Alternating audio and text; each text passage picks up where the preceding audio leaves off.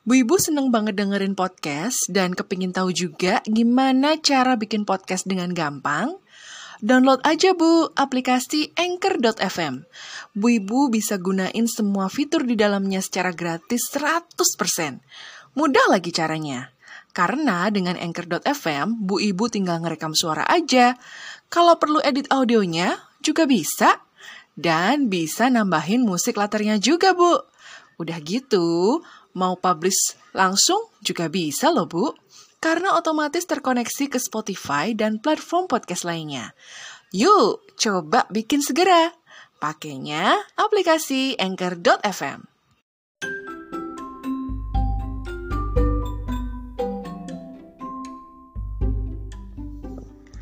Assalamualaikum Bu Ibu, apa kabarnya? Hari minggu ketiga nih ya, ternyata di bulan Desember. Gak kerasa udah mendekati akhir tahun 2022. Pasti udah bikin wishlist atau harapan atau resolusi untuk tahun depan dong, Bu. Apaan tuh, Bu? Pengen beli rumah? Oh, mau ganti mobil? Pengen kuliah lagi barangkali? Cuma ingin bisa banyak sedekah? Wow. Oh, mau memulai bisnis ya Bu ya? Apa pun itu ya wishlistnya, mudah-mudahan dimudahkan dan dilancarkan jalannya supaya bisa mewujudkan yang Bu Ibu inginkan ya. Amin ya robbal alamin. Tulis aja Bu sekarang semua daftar keinginan atau resolusi atau target yang Bu Ibu buat untuk tahun depan. Boleh di buku planner atau mungkin ditulis gede-gede gitu di kertas karton, tempelin di tembok biar selalu ingat. Atau mungkin Bu Ibu bisa juga pakai aplikasi yang ada di handphone untuk penulis planner. Emang ada ya Bu Inung? Adalah, zaman sekarang mah aplikasi apa aja ada di handphone Bu ya. Tinggal cari yang pas buat Bu Ibu yang mana. Namanya juga smartphone kan ya, telepon cerdas gitu, telepon pintar. Jadi udah nggak asing pasti gawe yang satu ini nih untuk kalangan ibu-ibu, ya kan? Asalkan Bu Ibu juga smart memakainya. Jangan fontnya aja yang cerdas ya Bu ya, tapi yang pakai malah. Ya udah ya Bu, yuk ngobrol-ngobrol cerdas di sini bareng aku Ibu Inung di podcast Bu Ibu.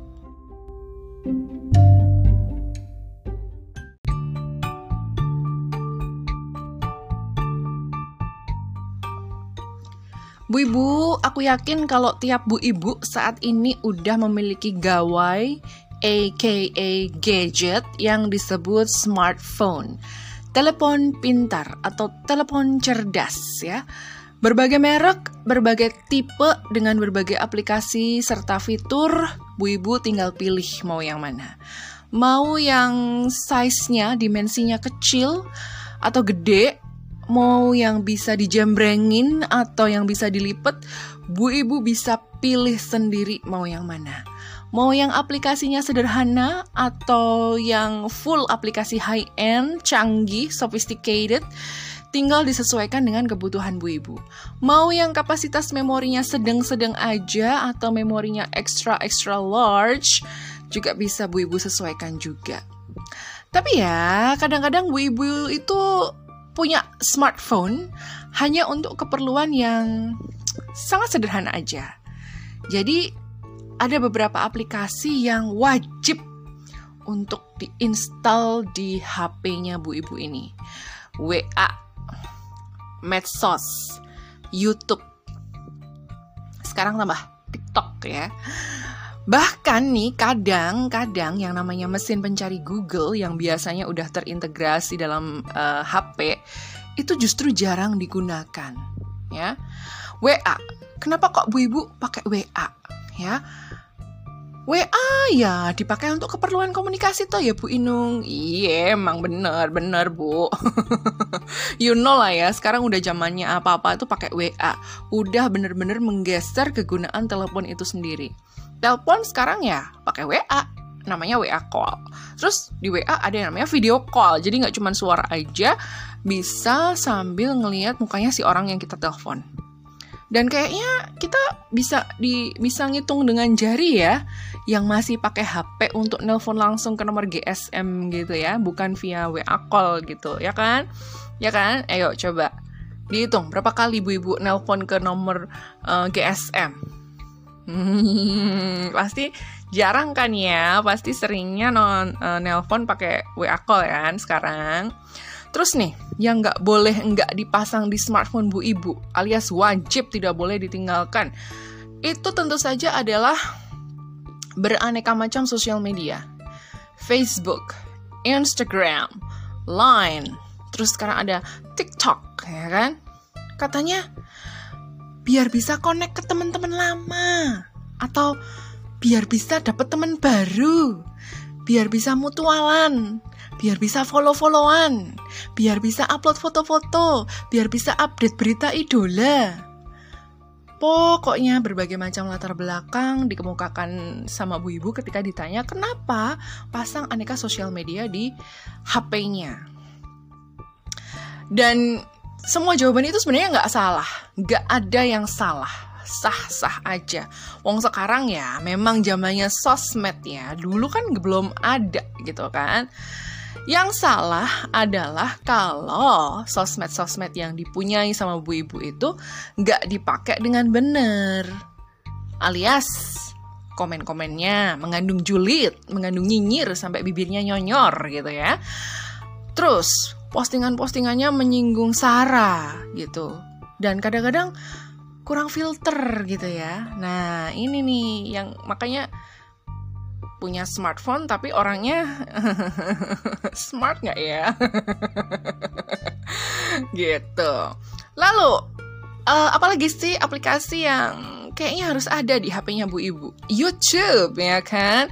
YouTube karena bisa nonton video apa pun di situ katanya. Ada video edukasi, ada video informasi, bahkan yang paling penting itu harus ada konten untuk menenangkan bocil biar anteng.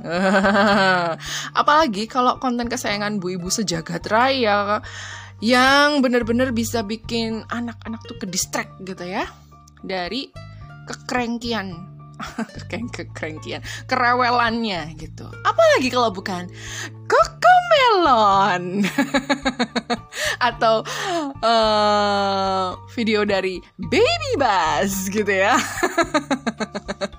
I don't know what to say about this, tapi memang katanya sih berdasarkan survei yang namanya Cocomelon sama Baby Buzz itu emang paling banyak di subscribe bu ibu yang udah punya anak bayi ya. Dan katanya dua video-video uh, video-video dari dua provider konten ini itu jadi sarana ampuh untuk ngedistract anak-anak mereka dari kerewelan dari kekrengkian mereka itu gitu ya. And I think bu ibu zaman now itu seakan-akan depend on this too, right? Right? Am I right? Mami-mami Melon.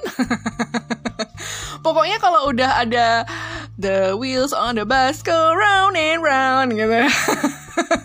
atau Daddy Finger tahu kan ya lagu Daddy Finger? Daddy Finger Daddy Finger where are you? Here I am here I am how do you do? Ya gitu kayaknya. Bu Ibu tuh rasanya udah ngeluarin jur, jurus terjitu ya. Jurus paling jitu bikin anak tuh anteng, diem, nggak nangis, nggak rewel, nggak tantrum lagi. Ya nggak Bu Ibu? Aduh, tambah lagi satu lagi ya. Pingpong gitu ya yang ada. Baby shark dudu dudu dudu pernah nggak bu ibu membaca kalimat di media sosial yang berkata hmm, dilahirkan oleh bunda diasuh oleh smartphone. Wah gile banget nih macet gitu ya. Ungkapan ini. Tapi memang rasanya kayak gitu ya. Beneran ada gitu ya. Zaman now nggak jarang yang namanya anak-anak usia dini ya. Dua tiga empat gitu kan. Banyak banget mereka itu uh, asik menikmati gadget gitu kan bener-bener matanya tuh fokus tertuju di uh, screen gadget gitu screen smartphone gitu. Nah yang paling sering ditonton apa? YouTube pasti itu paling sering mereka tonton dengan berbagai macam tayangan ya.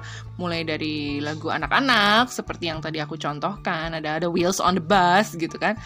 Sampai kartun kartun-kartun animasi yang berisi edukasi gitu. Tapi lazim nggak sih sebenarnya anak usia dini itu mengenal yang namanya uh, smartphone gitu kan? Ponsel telepon seluler telepon pintar telepon cerdas gitu kan pastinya yang namanya orang tua punya andil dong ya dalam memperkenalkan uh, gawai ini ya gak sih? Nah, banyak juga orang tua yang memberikan alasan bahwa telepon pintar mereka adalah digunakan sebagai sarana edukasi buat anak-anak mereka. Tapi kalau kita lihat lagi histori penggunaan smartphone mereka, uh, smartphone orang tua untuk anak-anak, Ternyata porsi pemakaian YouTube adalah yang paling banyak. Wow. Pas dilihat lagi histori pencarian dan watchlistnya anak-anak, paling banyak adalah video-video dari dua provider konten tadi. Coco Melon, Baby Bass gitu. Tapi kan Bu Inung itu lagu-lagunya ada muatan edukasinya juga. Ada lagu tentang alfabet, ada lagu tentang berhitung ya alasannya gitu. Iya betul betul bu betul. Emang bener saya juga juga melihat mendengar gitu ya.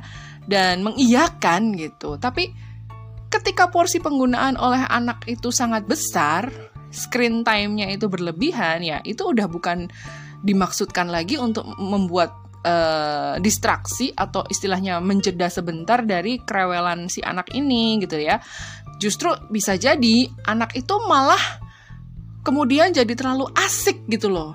Dan justru nanti-nantinya maunya hanya menatap layar smartphone aja, Bu, dibandingkan aktivitas-aktivitas fisik ya, atau bermain dengan mainan-mainan tiga dimensi yang dia punya gitu. Tahu kan ya mainan tiga dimensi yang mobil-mobilan gitu kan, boneka, rumah-rumahan, mainan uh, blocks atau Lego itu kan tiga dimensi ya kan.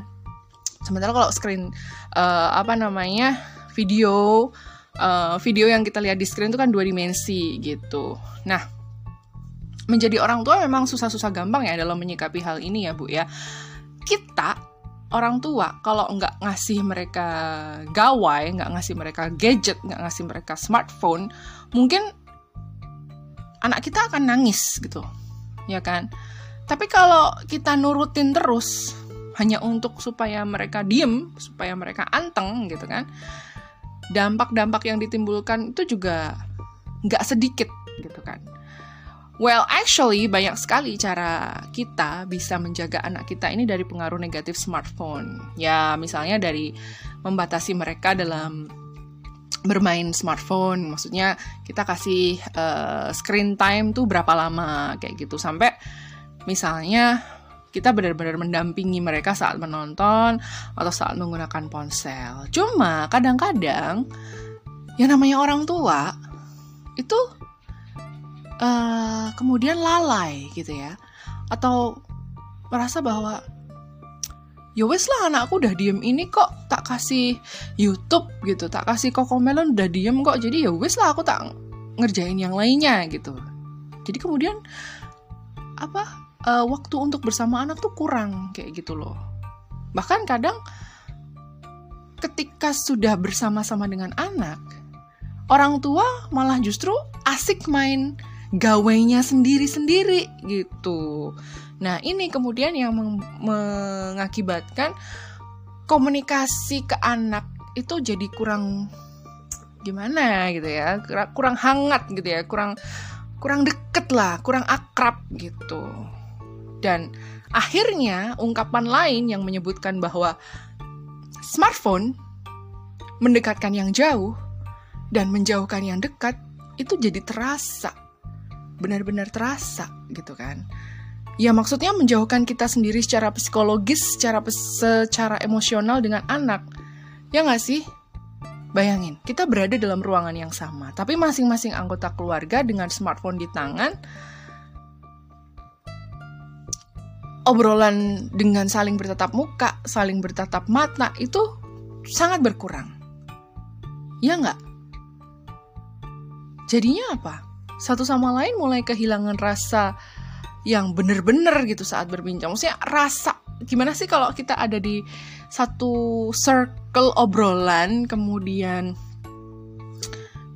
kita memang mengobrol, mengobrolkan sebuah topik gitu ya bareng sama seluruh keluarga bersama anak-anak tapi ketika kemudian kita sibuk dengan HP ya rasa yang muncul saat oh bapakku lagi ngomong oh anakku lagi ngomong itu kurang gitu loh ya kan? Karena ke distract itu ngomong tapi mukanya nggak saling ngelihat matanya tetap sibuk dengan handphone itu apa ya rasanya tuh kurang gitu loh ya kan? Bahkan mungkin ketika ditanya jawabnya akan menjadi sangat singkat sangat pendek gitu ya jawabnya mungkin hanya ya enggak enggak tahu terserah kayak gitu kalau kayak gitu apa enaknya ngobrolnya pakai WA juga. Meskipun sama-sama di satu ruangan yang sama, gimana, gimana? Atau uh, kirim-kiriman email aja lah, ya? Kan biar bisa dibaca di layar HP, ya nggak sih? Atau mendingan sekalian uh, pakai Zoom aja ya, biar biar kayak di kelas daring gitu loh, ya kan? Kalau memang matanya susah lepas dari layar HP, mendingan kayak gitu aja kali ya ngobrolnya. Tentunya kita nggak mau kan ya Bu Ibu, ungkapan dilahirkan bunda di asus smartphone tadi itu benar adanya ya. Nggak mau kan ya.